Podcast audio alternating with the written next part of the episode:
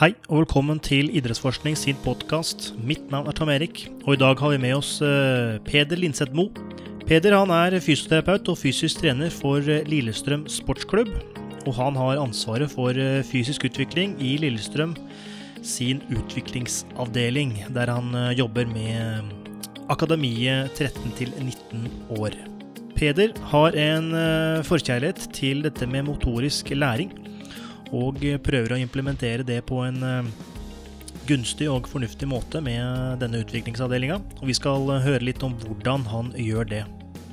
Takk for de spørsmålene vi fikk til denne episoden. Det er alltid med på å løfte episodens kvalitet. Og med det så ønsker vi deg en god lytting. Velkommen, Peder, til vår podkast. Hvordan går det med deg? Takk for det. Takk for at jeg fikk være med på podkasten. Alt går veldig bra. Supert. Er du i Lillestrøm nå, eller bor du i utkanten av eh, byen? Eh, akkurat nå er jeg i Lillestrøm, ja. Eh, da jeg fikk jobben i Lillestrøm, så kjøpte jeg meg faktisk en leilighet rett ved Åråsen. Så jeg tror ikke jeg har mer enn 100 meter unna Åråsen, faktisk. Wow. Så det er fint. Ja, nå foregriper vi litt, men uh, du Peder, du er jo fysioterapeut og fysisk trener for Lillestrøm sportsklubb, eh, der du er ansvarlig for fysisk utvikling. Uh, Fysisk utvikling i Lillestrøms eh, sportsklubbs utviklingsavdeling. I hvert fall det jeg kunne lese på din LinkedIn. Uh, ja, jeg har nå tre måneder i Lillestrøm, jeg sjøl, jeg, så der jeg har bodd, eh, så det er en, en, en fin by. Uh, men uh, vi skal jo snakke om deg, og vi ønsker å bli litt kjent med deg som person og, og fagperson. Så hvis du kan fortelle oss litt om deg sjøl med tanke på utdanning og jobb? Ja, det kan jeg gjøre. Uh, ja, jeg heter jo Peder Linsetmo, 27 år. Eh, Utdanna fysioterapeut med mastergrad i idrettsfysioterapi, som jeg tok ved NIH. Eh, og så har jeg egentlig jobba litt som fysisk trener siden jeg starta å studere fysioterapi. da. Har jeg gjort. Men uh, eh, utdanninga mi starta jeg jo i etter videregående. Uh, I 2012 så dro jeg til Danmark uh, for å studere fysioterapi der. Um, mm, mm. Hvor i Danmark da? Uh, studerte jeg i Esbjerg. Ja. Så der har jeg bl.a. sportsmedisin, som var veldig interessant. da. Uh, så var, fant jeg ut at Danmark var veldig, et fint land å studere i. så så da gikk jeg for det. Så når jeg kom hjem derifra, så begynte jeg å jobbe litt eh, innen fotball i Levanger, faktisk. Eh, da de hadde rykka opp til Obos-ligaen. Eh, samtidig som jeg tok litt eh, tok bl.a. bevegelsesvitenskap da, eh, som tilleggsfag, for å få litt Ja, I Danmark eller i Norge? Nei, i Norge, ja. Så jeg tok det i Ja, riktig. Samtidig som jeg jobba på et treningssenter som heter Sprek da, eh, i Verdalen og Levanger. Så jeg kombinerte på en måte det tre, da, jeg gjorde. Så jobba, jobba jeg der ett og et halvt år før jeg kom inn i, på NIH på masteren i idrettsfysioterapi i 2017. Eh, og så fikk jeg, fikk jeg jobb i Strømmen mens jeg studerte der. Jobba der i og la førstelaget der i et år, før jeg fikk jobb i Lillestrøm da, i 2019. Så det ja, kort versjon. Så, øh, og beklager hvis jeg ikke fikk det med meg, men du har ikke jobba som fysioterapeut? Eh, jo, jo, jeg jobba Det glemte jeg å si, men jeg jobba jo privat når jeg kom hjem fra Danmark. Så jobba jeg privat, eh, og så hadde jeg litt eh, vikariat på sykehus og sånn, faktisk, i Levanger. Så jeg hadde mange jern i ilden. da. Ja, eh, riktig, riktig. Og så var jeg jo fysioterapipraksis, kan du si, i, i fotballklubben da, Levanger. Så, mm. så, jeg fikk i hvert fall litt input, selv om det ikke ble eh, tolv eh, pasienter hver dag og sånn. Så. Eh, er det noe som skiller det å være fysioterapeut i en fotballklubb versus det å være fysioterapeut med ja, Ola og Kari Nordmann? Ja, det er jo litt annerledes skader, typisk, da, eller problemer. Eh, ofte når du er i, i idrett da, så er du jo der når ting skjer, ofte. Mm, mm. Eh, det er jo kanskje den store forskjellen som jeg kommer på umiddelbart. Ja. Så det er lettere å forstå hendelsesforløpet før skaden oppstår, kanskje? Ja, det kan det være. Altså, det er jo litt avhengig av om det er en akutt skade sant, eller en belastningsskade. og sånt. Altså, du har i hvert fall Du kjenner til spilleren mer enn du kjenner Ola som kommer inn eh, som du ikke har sett før. Så, så mm, du har et, mm. et annet bilde av den pasienten eller spilleren. Skal si mm, det. Mm, mm. Så Eh, hvor mange, mm, når du er fysioterapeut og fysisk trener for Lillestrøm sportsklubb, eh, hva er det det vil si? Altså, er du med førstelaget, er du med eh, to-tre lag, er du med flere lag, er det ungdom, er det kombinasjon? Hva er det, Forklar litt om din rolle i Lillestrøm sportsklubb. Ja, det er mange oppgaver, det. Men først og fremst så er jeg jo ansatt da, som fysisk trener og fysioterapeut for akademiet. Da. Og det vil si at jeg er ansvarlig for Eh, fys den fysiske utviklinga og eh, helsa til spillerne fra 13 til 19 år, da, som er med i satsingslagene mm. primært. Mm, mm. Eh, så det er sånn ca. 100 spillere. Riktig. Mm. Men du har jo da bakgrunn i både fysioterapi og fysisk trenerrollen, eller dette med fysisk trening. Hvis du skal, Hva er det du ser deg selv som? Er du en fysioterapeut, eller er du en fysisk trener? Hvis du, hvis du må velge? Uh, veldig vanskelig, syns jeg, å svare på det. men uh, jeg, jeg, liker begge da, uh, veldig godt. men jeg må nok innrømme at jeg er veldig fascinert av prestasjoner da, og det å utvikle prestasjoner. og liksom prøve å finne ut hvorfor er det noen som presterer bedre, og hvorfor er det noen som har utvikla seg noe sånn og sånn. da. Selv om det er veldig sånn genetisk betinga, selvfølgelig, men, eh, men, liksom trykk på de rette knappene sånn rent fysisk trenings- og utviklingsperspektiv syns jeg er veldig, veldig interessant. Men, men, samtidig så vet jeg òg at den fysiodelen, eller den skadedelen, er veldig viktig òg for oss. Skadeforebygging og sånt, som er òg en viktig del av den fysiske utviklinga.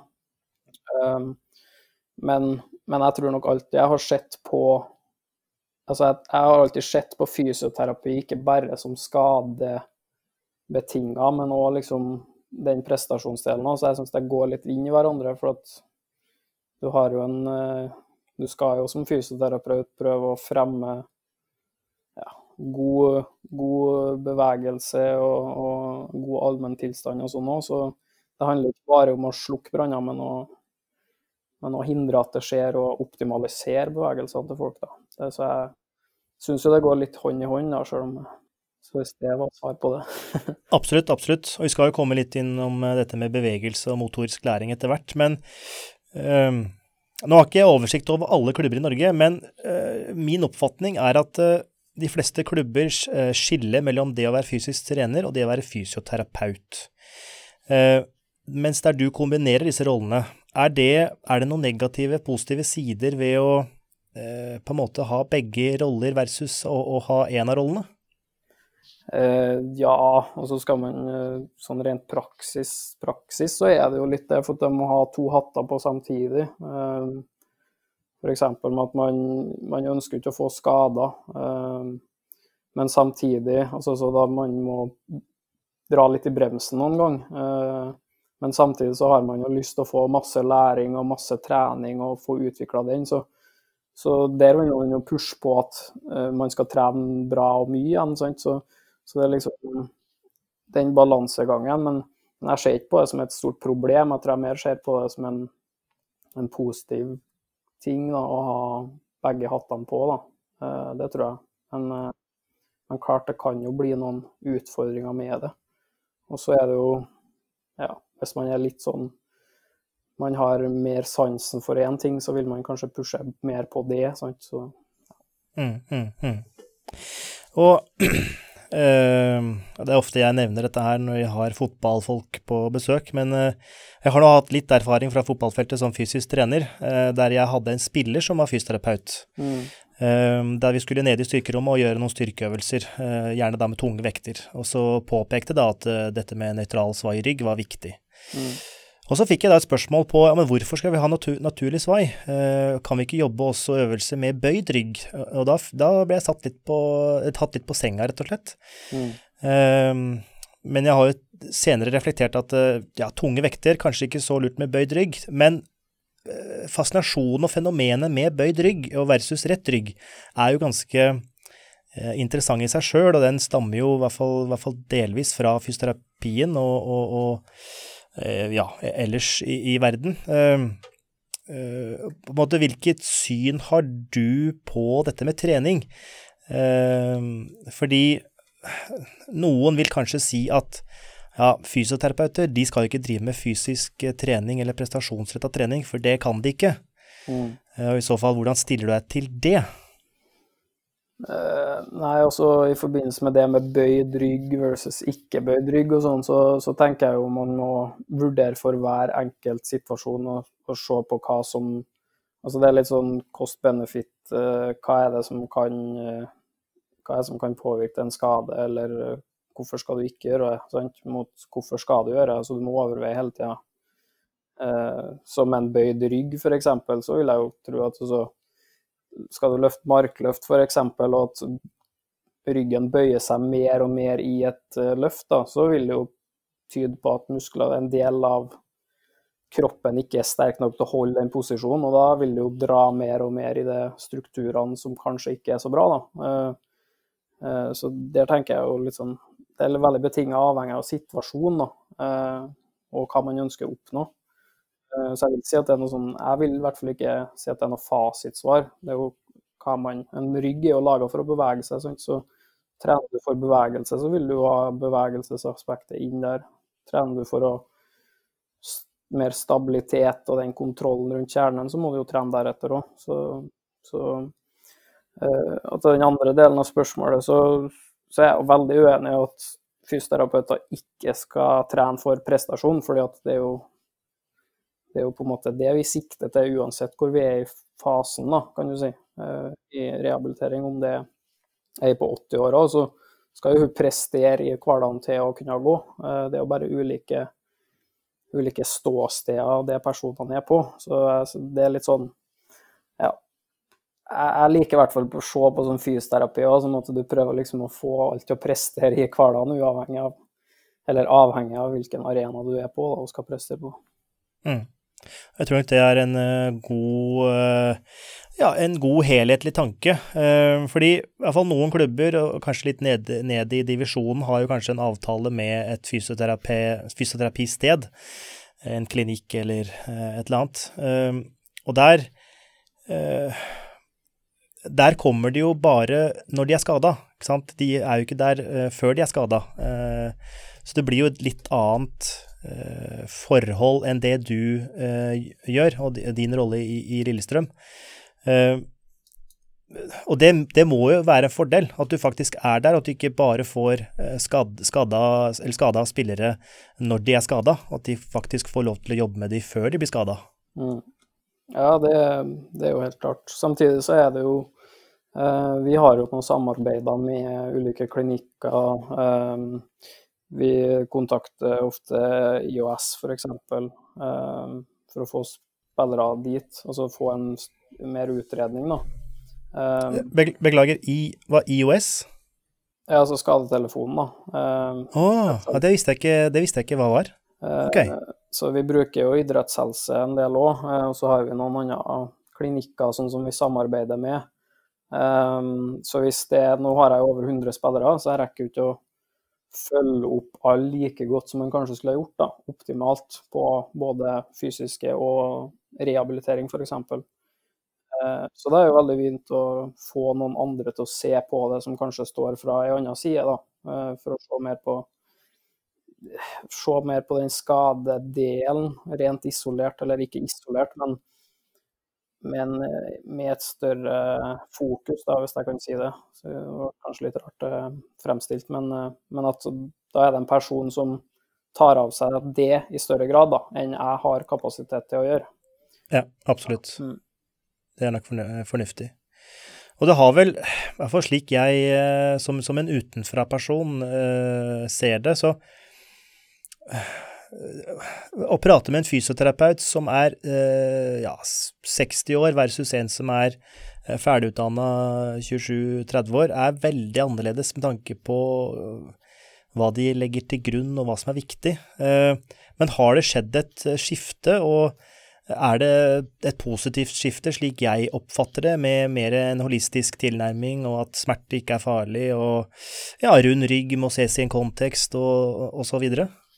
Ja, ja og nei, kanskje. Eller jeg, jeg vil jo si det at uh, det å endre seg jo Altså evidensen på ting og alt endrer seg jo hele tida. Så det er klart at dem som studerer i nyere tid, vil jo hele tida oppdatere seg etter det som er oppdatert, kan du si. da.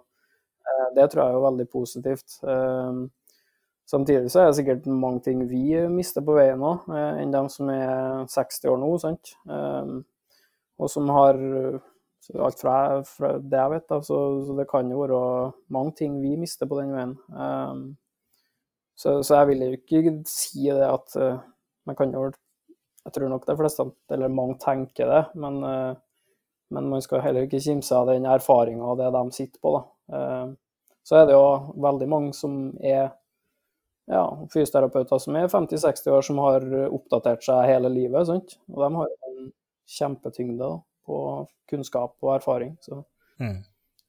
Mm. Uh, så ja. Et uh, godt og nyansert uh, svar som jeg er enig i, og det er jo alltid en uh, kombinasjon av dette med erfaring og den nyeste, nyeste evidensen, som er kanskje den beste i anførselstegn kombinasjonen. I e-postkorrespondansen med deg tidligere ikke i dag, men tidligere, ja, tidligere, så ønsket du å snakke om dette med motorisk læring i fotball. Uh, og det skal vi gå inn på. Uh, men kan du si litt om hva er det du legger i motorisk læring, og hvordan er det dette foregår i fotball i så fall? Uh, nei, altså det stammer fra læren om motorikk, da. Og det er jo rett og slett alt som har med bevegelse å gjøre, eller alt som påvirker til bevegelse. Um, altså motorikk er jo det at vi bruker kroppen og forflytter den. Um, så er jo motorisk læring går jo inn i det og, og hvordan man kan få uh, utvikling og permanent uh, endring da, over tid. Um, uh, som skal i fotball da forbedre prestasjonene. Som jeg syns er veldig interessant. Da. Eh, sånn som i fotball, så blir det jo er det jo rett og slett spillerne sin bevegelse ute på fotballbanen som er avgjørende. Uansett om du ser det fra eh, et mentalt perspektiv eller et taktisk perspektiv eller et fysisk eller teknisk, så er det jo til syvende og sist bevegelsen som, som avgjør for prestasjonen. Eh, og det er det som har gjort at jeg syns det er litt interessant. da. At ikke fysisk trening bare handler om å eh, endre sluttproduktet, da, som vi ofte bruker, og som vi ofte bruker med god grunn. Eh, som jeg, jeg, bruker å kalle fysisk, eller vi sier fysisk kapasitet, så, så, bruker jeg det som, mer som eh, at en spiller f.eks. springer 10-13 km i løpet av en kamp. Eh, eller at en springer 35 km i timen. Eh, eller at en springer så og så mange høyhastighetsløp, f.eks. Eh, det mener jeg er sluttproduktet av det du faktisk Altså hvordan du produserer bevegelser, hvis du skjønner hva jeg mener. Eh, mot at faktisk den produksjonen av bevegelsen kaller jeg den fotballmotorikken, eller motorikk i det vanlige talen, kan du si. Mm. mm. Men så, jeg, hvis jeg forstår det riktig, så er du opptatt av å faktisk også ha fokus på selve prosessen for å oppnå sluttproduktet. For sluttproduktet er jo fortsatt uh, viktig, men også prosessen og måten man kommer dit. Mm. I så fall, hvordan er det du jobber med det? Uh, ja, altså Det er jo det sluttproduktet, ja, som du sa. Også prosessen der er jo uh, Det er litt sånn, sånn som Jeg er jo veldig inspirert av Marcel Eh, for at de jobba litt i Magnat. Uh, når jeg kom til Oslo, så, så han som liksom tente veldig den gnisten for den interessen av bevegelse. Da. Eh, og jeg hørte, hørt, hørt jo podkasten med han til dere. Da han, liksom, han nevner f.eks. Fotisettet for å optimalisere kraftproduksjon og litt sånne ting, da, er jo viktig. Viktig for, for, å utnytte kapasiteten til den og den spilleren. Da. Uh, så det er liksom det, Da må man jo trene på det òg i fysisk trening. Den, den, tekniske delen av det, ikke bare den rent kraftproduksjon og utholdenhetsbiten da, som man ofte legger mest Så, på. Så jobber du da med eh, Nå skal jeg ta, si litt, sånn, litt banalt, men eh, ønsker du Eller du jobber med dine utøvere med tanke på sprint. La oss si sprint, da. At du ønsker at de skal løpe som en sprinter, Usain Bolt f.eks. Eller at når de løfter, tar en vending, så skal de vende som en vektløfter. Eller at når de jogger, så skal de jogge som Jakob Ingebrigtsen. Er det slik å forstå? Nei, ikke sånn Ikke så nyansert, skal jeg si. Det blir mer det å, å, å prøve å påvirke dem, f.eks. til sånn som i sprint, da, så kan du trene på mekanikken i beina for å få en god kraftproduksjon, f.eks. i steget. Men jeg vet jo at når de går på fotballbanen, så vil jo det variere i mye større grad enn om man har sprunget i 100 meter. Eh, men jeg tror det er positivt å, å prøve å stimulere da, til god bevegelses... Eh, altså biomekanikk og, og den bevegelseslæringa. Tror jeg er positivt, selv om de ikke nødvendigvis bruker det hele tida. Så tror jeg det skaper et fundament da, for å bevege seg bra. Uh, og det handler jo om koordinasjon og, og den kroppsbeherskelsen å gjøre, da. Uh, som er i hvert fall min erfaring når jeg jobba nå i Lillestrøm i ett og et halvt år og brukt veldig mye tid på det, så, så har jeg jo sett en del spillere som vi har fokusert mye isolert på sprint, men så får vi faktisk en endring på fotballbanen òg. Eh, Sjøl om det ikke nødvendigvis er, er, sånn hver gang man springer, så er det på en måte vi ser en bedre kroppsbeherskelse da, i forhold til den aktiviteten som er å springe. Da. Det er riktig. Det er vel én studie som popper opp i hodet mitt nå, eh, og jeg tror det er en norsk studie, som har sett på dette med eh, sprint eh, sprinthastighet eller sprinttid eh, på en 20 meter, tror jeg. Eller 40 meter. Eh, der de fikk instruksjon Altså en gruppe fotballspillere fikk instruksjon fra sprinter, og, én gruppe fikk ikke det. og da fikk jo de som fikk sprintinstruksjon. Begge trente det samme, men de fikk i tillegg instruksjon. De fikk jo da en, en bedre fremgang i sprint rett fram, da, vel å merke. Så er det da Prøve liksom å konkretisere dette her for publikken der ute. For det er motorisk læring for meg, da, som sitter i akademiet, da, da tenker jeg på Smiths skjema og constraints og mm. alle disse, alle disse begrepene som nesten ingen leser, fordi det er litt vanskelig og Det er kanskje mest vanskelig enn kjedelig, men det er veldig vanskelig. Men er det hvor mye av måte, teorien bak dette begrepet motorisk læring er det du benytter deg av i din praksis? Nei, altså jeg fikk jo en del input gjennom den bevegelsesvitenskapen, da, som snakka mye om det som du sier nå, den constraints og eh, Bernsteins teorier og alt det litt eh, De tingene du toucher inn på der. Eh, og det har jo selvfølgelig påvirka til hvordan jeg eh, jobber, men òg hvordan jeg prøver å hente inn informasjon og lære meg mer om det. Eh, helt klart. Eh, men ja, hvordan skal vi uh, Men la oss, la oss, ta et eksempel, da. Um, ja. uh, uh, la, vet du hvem Frans, Frans Bosch er? Ja. ja. Og boka hans er jo veldig hva skal jeg si, Ko koordinasjonstrening pluss styrketrening vil jeg kanskje si det er. Mm. og er det da for de som ikke vet hvem Frans Bosch er, er han har en bok, han har sikkert flere bøker, jeg tror kanskje det er to, uh, der han prøver å implementere uh, idrettsbevegelsen inn i da f.eks. styrketrening. Mm. Uh, er det den tankegangen du har når du jobber med dine utøvere for å utvikle motorisk læring, som er veldig viktig for unge utøvere? Og det å kombinere dette med koordinasjon samt det å bevege ekstern vekt, og prøve å gjøre det så idrettsspesifikt som mulig? Ja, jeg bruker jo Det er jo den tilnærminga sånn, litt sånn som du beskriver, som jeg bruker. At det, det er selve bevegelsen som legger grunnlaget for det meste vi gjør av trening. Da. Um, og det er jo, hvis vi tar, da, da mener jeg bevegelsen som deler typisk inn i lineær hurtighet, da, som er akselerasjon topphastighet. Uh, så bruker jeg begrepet smidighet. da.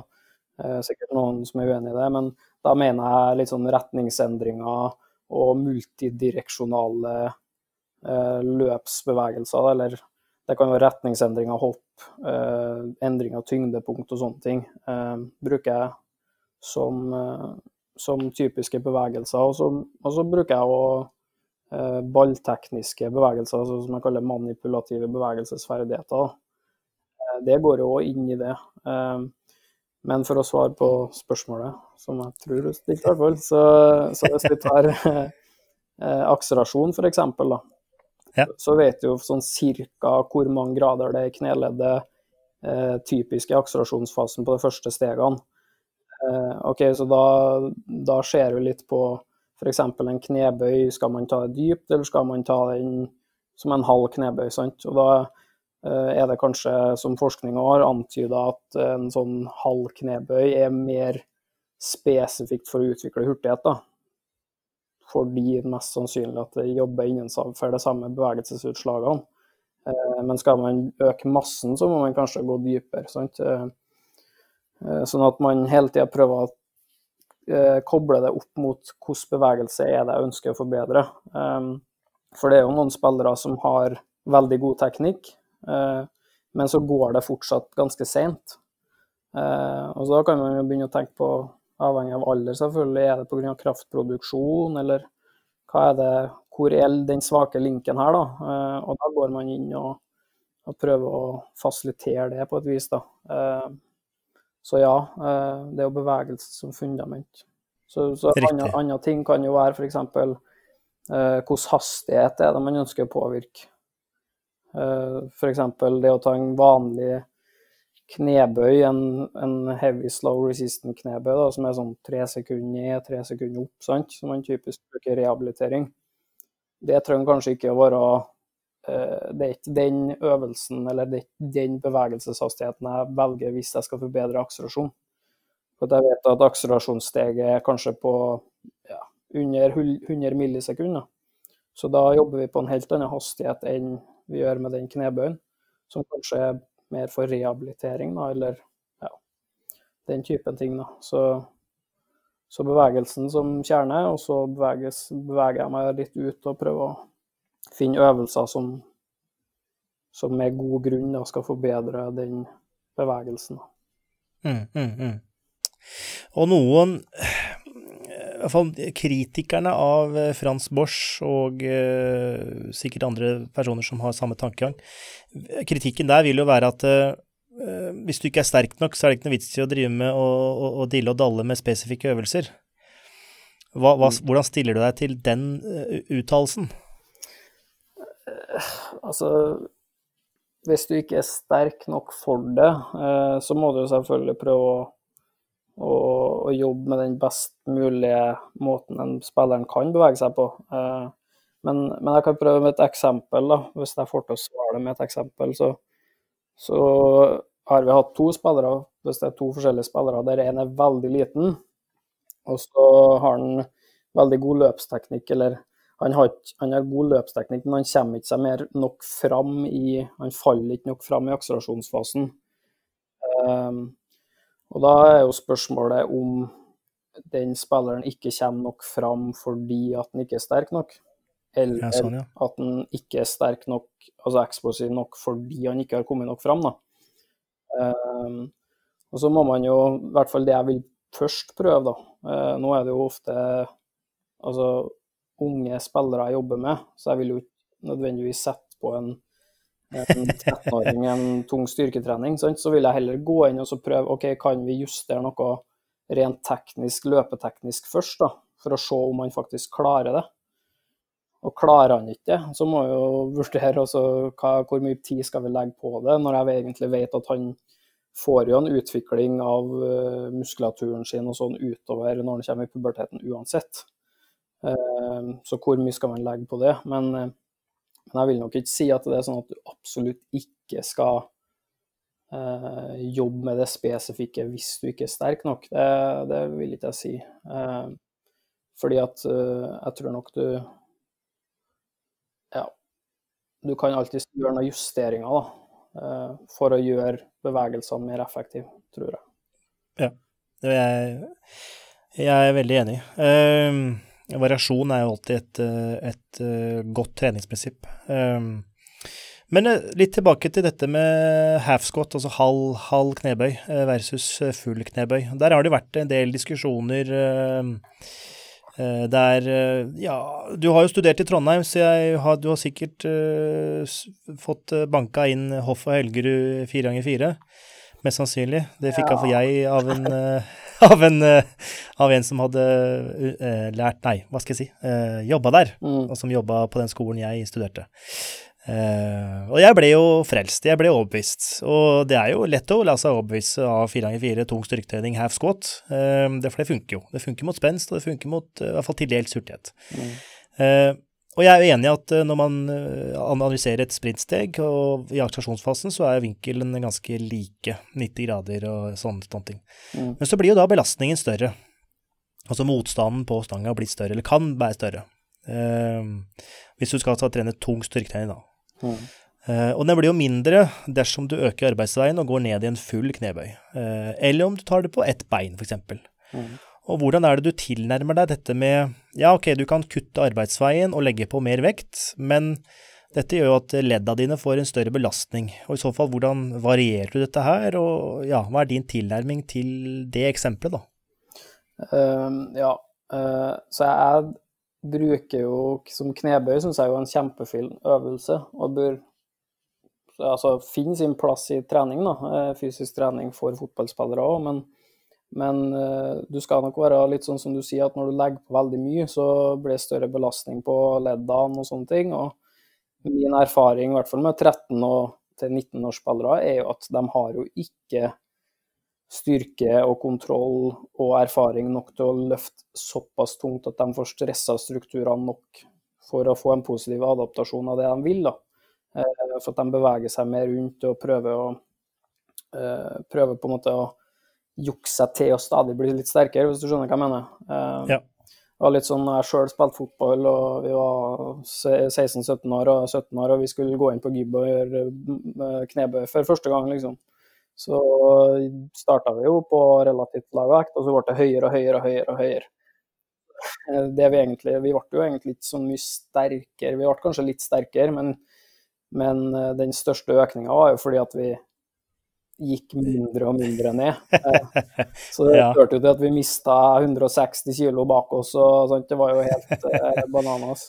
Så jeg mener at du skal være veldig god da, for å få god utbytte av sånn trening. Um, der jeg heller ville ha valgt eh, ettbeinsøvelser, utfalløvelser, eh, sånt for yngre spillere i hvert fall, og kanskje eldre òg, fordi, eh, fordi, at det er enklere å holde kontroll på og enklere å ta i maksimalt. da.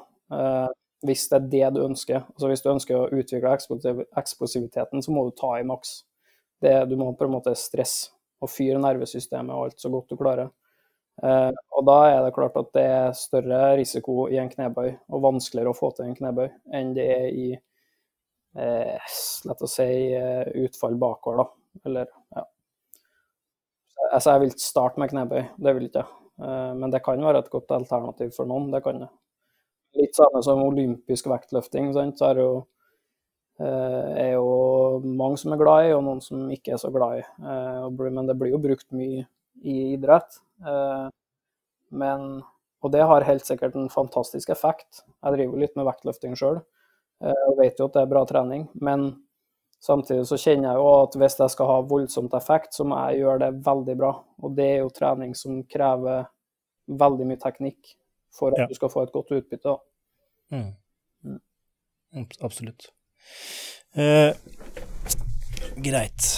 Da Åh, jeg hadde et veldig godt spørsmål i hodet. Eh, dette med uh, Du jobber jo fra 13 til 19, ikke sant? Mm. Mm. Hvordan er det du strukturerer opp uh, ja, når det kommer til styrketreninga eller utholdenhetstreninga eller motorisk læringstreninga, fra det å være 13 til å være 19? Hva er det som endrer seg, og Eh, hvordan endrer fokuset seg da i denne eh, treninga? Uh, nei, altså Det første året som jeg har vært i Lillestrøm, så har vi jo hatt veldig mye fokus på den bevegelsen og liksom den, den motoriske kontrollen i stor grad. Eh, og så er det jo sånn at vi, vi bruker jo litt styrketrening på både 13- og 19-åringer, eh, men det finner en større plass hos en 19-åring enn det gjør til en 13-åring. Og det har jo litt med de sensitivitetsperiodene som de er inne i òg. Um, uh, der man Altså, vi kan i hvert fall anta da, at uh, uh, jeg syns det er bedre å få en god bilfører før du forbedrer bilen, hvis du skjønner hva jeg mener. ja, men det er godt, det er godt bilde. Er godt bilde. Jeg vil ikke sette en 13-åring inn i en Porsche. Altså, Nei, sant. Så jeg bruker det litt eksempelet noen ganger. Men så så målet på sikt skal jo være at en 19-åring er såpass godt altså har såpass god motorisk kontroll og altså kroppslig ko koordinasjon at det å trene for å øke motoren eh, kan finne større plass i treningsprogrammet. Eh, det bør det absolutt. Men så er det jo noen som har veldig mye kraft igjen. Eh, og så er ekstremt rask på 19, sant? men som ikke har motorisk kontroll i det hele tatt som er liksom dårlig teknisk. Og, og da vil jeg jo helt klart legge mer vekt på det til den spilleren igjen. På andre side så har du jo eh, noen 13- og 14-åringer som har vokst til veldig og har masse kraft og er eksplosive som bare rakkeren, men de klarer ikke å styre bilen. da. Eh, så, så, så, da må jo de jobbe med det òg. Altså det, ja, for det er jo en litt spennende, spennende periode fra 13 og utover, der de, mange av de vokser jo eh, både muskelmasse og ja, høydemessig og så. Mm. Og det er jo, det må jo være én, veldig morsomt, uh, også, eller gøy å jobbe med, men også veldig utfordrende å jobbe når folk er i en vekstperiode. Det er det helt klart. Um, kanskje spesielt i forhold til vekstsoner. Um, for man, altså man kan alltid trene ganske mye uten at det trenger å være veldig så belastende. Men, men også liksom det jeg var inne på i stad, når du trener, eh, om det er kraft eller kontroll, da, så, er det vanskeligere å trene store mengder med plyometriske øvelser for 13-åringer, eh, f.eks. Ja, okay. F.eks. fallhopp, det vet jeg jo at det er ikke noe jeg har lyst til å sette veldig mye på en 13-åring. Eh, fordi da blusser Slattersen opp med en gang. Eh, altså ikke alltid, da, det er jo selvfølgelig, men, men, jeg vet at det er så mye drag på scenen og sånn på sånn type trening at det er jeg ofte mer forsiktig med enn jeg er til 19-åringer. Sjøl om de òg selvfølgelig har vekstsoner som ikke har satt seg helt. da. Så, så, det er jo litt utfordrende sånn sett at man de har jo, trener jo veldig mange ganger og spiller mye kamper og sånt òg, så det, og det å finne den mengden og når man har lyst til å prøve å ta sin og Jeg vil jo at de skal utvikle seg fysisk, selvfølgelig. Så, så sjøl om fotballtreninga er jo grunnlaget for det, da. Så den, det, den motoriske og den styrketreninga og sånn er jo bare supplement, egentlig. Ja, ja. Greit. Eh, du har jo ehm, eh, laget en, et, et kortspill, hvis jeg kan kalle det det, som heter Fotballmotorikk, stemmer ikke det? Jo, stemmer det. Ehm, kan du fortelle litt om hva det er for noe, og hva hensikten bak det, disse kortene er? Uh, ja um, Det er jo at jeg har laga mye treningsprogram til spillere. Altså, som sagt så har jeg jo 100 spillere. Um, og da var det jo Ideen kom jo i form av at uh, når jeg har såpass mange ting jeg egentlig skal gjøre, uh, så er ikke alltid, når eh, lagene trener samtidig, så er ikke alltid jeg rekker bort og hjelper den spilleren, eller kan stå og følge med, eller kan stå og instruere og, og være med én spiller hele treninga. Eh, så da, så da laga jeg jo litt skjema og litt treningsprogram som de kunne ha i treningsbagen på hvert lag. da. Eh, så fant jeg ut at så kom jo bare den ideen at det kunne lages en kortstokk, da. Der de f.eks. en skada spiller kan ta portstokken fra lagsveggen og så eh, gjøre noen øvelser som jeg har sagt. Da. Og da nummererte jeg øvelsene. Og så på forhånd, før de kom på trening, så sa jeg du skal gjøre 46, 42 og 83 f.eks. Så det er det ideen kom fra, da. Eh, og så var det jo litt sånn koronaperioden jeg begynte å bli ferdig, eller begynte å lage det. Og da var det jo selvfølgelig økonomiske utfordringer og sånn òg. Da fant jeg ut at dette er jo kanskje noe vi kan prøve å selge, da, for å få litt, litt inn for det òg, men samtidig at det er artig å liksom tilby, tilby andre spillere den muligheten òg. Så det Jeg vet ikke, jeg sa vel ikke det, men det er jo, det er jo bare Altså hvert kort har en øvelse, og så står det et bilde eh, av øvelsen, og så en kort eh, beskrivelse, da også ulike nivåer i forhold til hvor mange repetisjoner, vekt osv. Og, og så har du nederst i hjørnet en QR-kode, sånn at de kan uh, bruke telefonen til å få adgang til video som ligger på YouTube. Ja, riktig. Mm. Ja, men er det da eh, øvelser innenfor uh, kun styrketrening, eller er det også fotballøvelser? Er det bevegelighetsøvelser? Hva er, det som er, hva er innholdet her uh, i kortene? Det er jo Uh, egentlig hele pakka. Uh, og det var det som var litt av poenget, at det skulle bli tilbudt til flere formål. Uh, så det, det starter med en sånn generell koordinasjonsbalanseøvelseskatalog. og så er linjer, altså hurtighet og smidighet og styrketrening, utholdenhetstrening med og uten ball, skadeforebyggende øvelser og rehabilitering. Så det er 200 øvelser, da så det prøver i hvert fall touche litt innom alle felt. Da. Hvordan har responsen vært? Fordi for du har jo solgt eh, denne kortstokken til eh, ja, klubber, regner jeg med, og kanskje private aktører?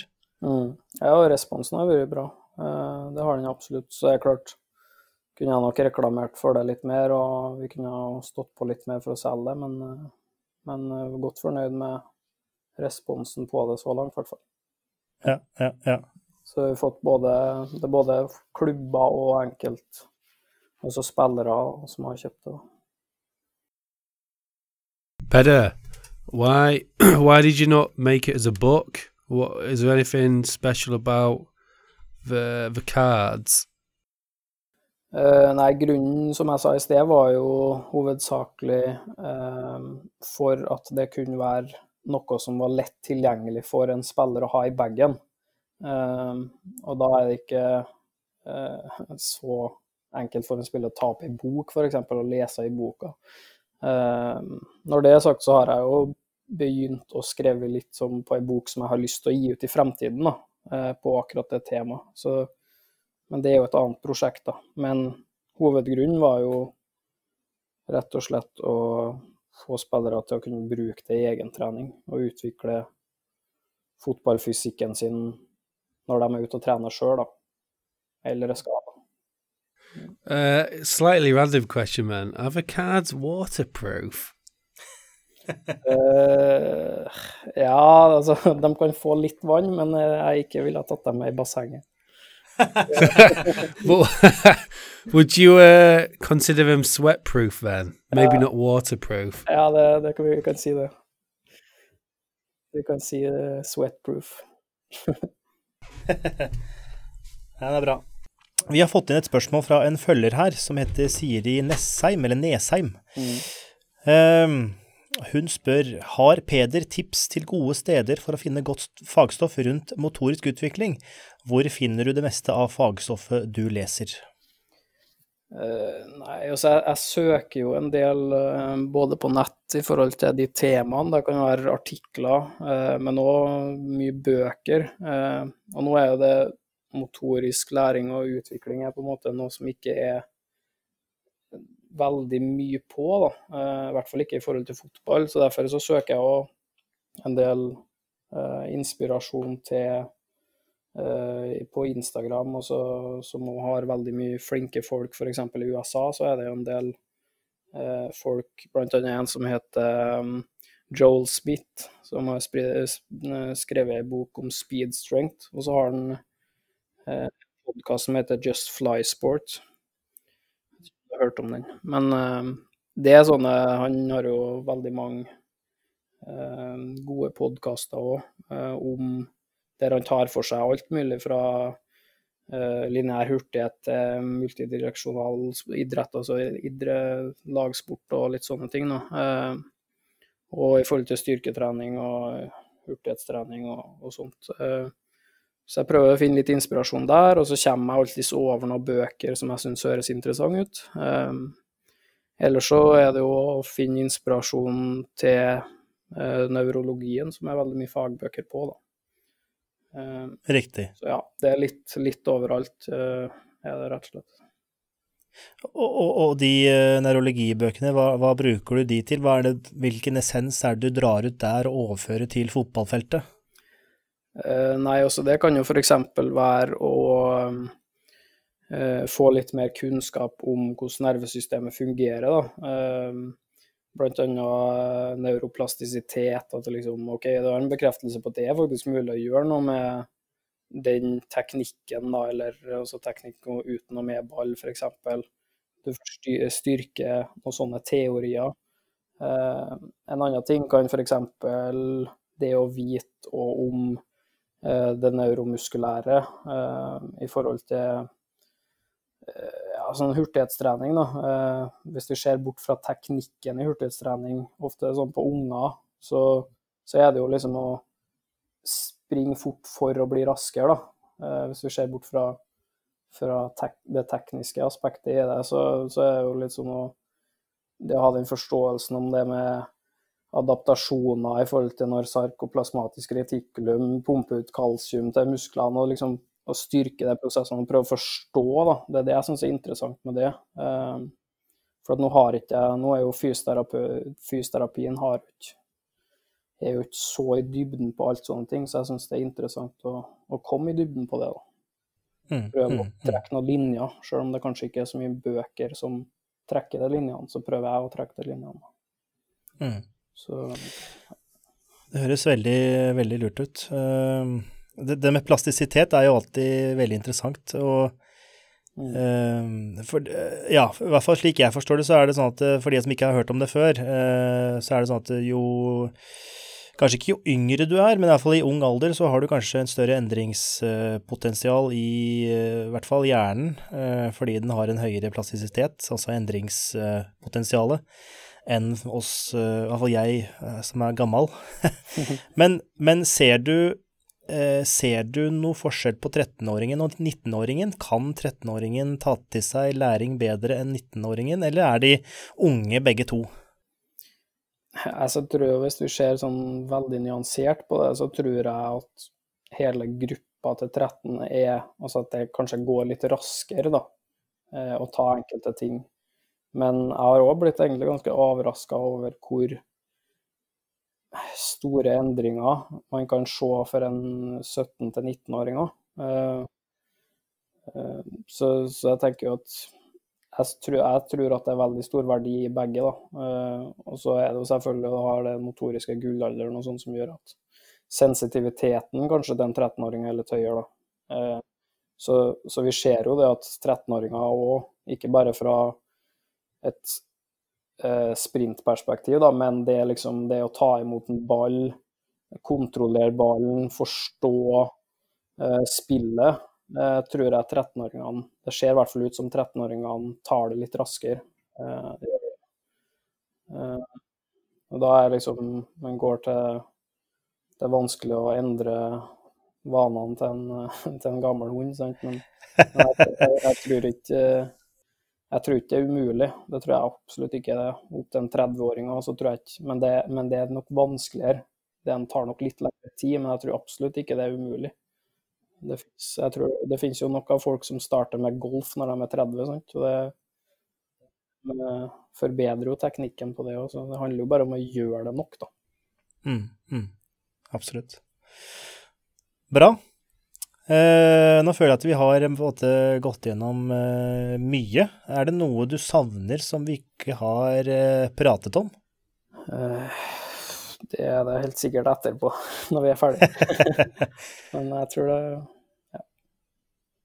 jeg føler i hvert fall at vi har blitt kjent med deg og din eh, jobb, og hvordan du jobber med dine spillere, og hva slags eh, Ja, hva du legger, hva du legger trykk på, og eh, hvordan du ser på dette med fysioterapi og fysisk trening i sammenheng, og eh, ja, og dette med motorisk læring og fokus på prosess og eh, dette med spesifikke bevegelser. Eh, mm. Så jeg syns det har vært Vi har vært innom mye. Vi har kommet innom det meste, ja, tror jeg. Eh, ja. Men jeg tror én ting som, ikke, som jeg glemte å nevne i forhold til Jeg eh, kom på det spurte om eh, når og, eller hvordan vi trener på det. så så har vi jo implementert i Lillestrøm at oppvarminga er en del, et vindu der vi påvirker den motoriske kontrollen, da, eller den Vi tenker mer teknisk på løpesteg og, og, og litt sånn smidighet og sånne ting. Da. Så dette kanskje det er interessant. Da. Mm. Ja, fordi, litt, prøve å få innpass i det, sjøl om vi ikke øker treningstida noe mer nødvendigvis. Der tror jeg det er mye, et stort potensial å hente ut, ut uh, i oppvarminga, fordi det var vel en podkast uh, It's your friend, uh, Rob. Rob Paisley Pay. Rob Paisley? Where's he from? Scotland? Rob Pacey? Rob Pacey, ja. Yeah. Eh, Podkasten hans, han snakket med en fyr som også sa det at eh, prøv å implementere flere motoriske eller koordinasjonsting i eh, oppvarminga, og at ikke bare oppvarminga blir for å bli varm, men at det blir faktisk Vi kan øve på et sprintsted, vi kan øve, øve på mm. ja, noe som faktisk gir effekt, annet enn bare å bli varm. Do you know who was talking about that? Uh, His latest guest. Nei, jeg tror ikke jeg har hørt om det før. Men det er litt ja. samme tanken, da. Det er ja. akkurat samme tanken. Eh, mm. For å få utnytta mm. den tida best mulig. Eh, rett og slett. Ja, enig. Enig. Hvis følgerne våre ønsker å kontakte deg, eller følge med på hva du driver med fremover, hvor er det de kan nå deg rent uh, sosial media-messig? Uh, nei, jeg er nok mest aktiv på Instagram, tror jeg. Uh, og da, der heter jeg Linsetmo. Så ikke, ja. noe, ikke, noe, coach foran der, men uh, ja, det, er, det er det mange som har. Ja, jeg burde kanskje vurdert. så det er jo der, og så er jeg på Twitter, men jeg er ikke så veldig aktiv egentlig, så det er mest Instagram. Nei. Ja.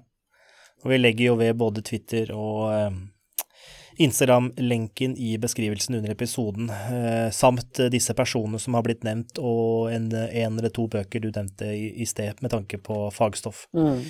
Så folk kan uh, lese seg opp eller kjøpe de bøkene du uh, finner uh, interessante. Ja. Bra. Ok, Peder, da vil jeg takke deg for at du ble med på vår podkast. Dette har vært en meget, meget fin prat. Jo, takk for det. Takk for at jeg fikk være med. Så håper jeg det var litt nyttig, i hvert fall. Det jeg kom med. Abs absolutt. Ok, den er god. Det var det for denne gang. Takk for at du hørte på, og vi høres om litt.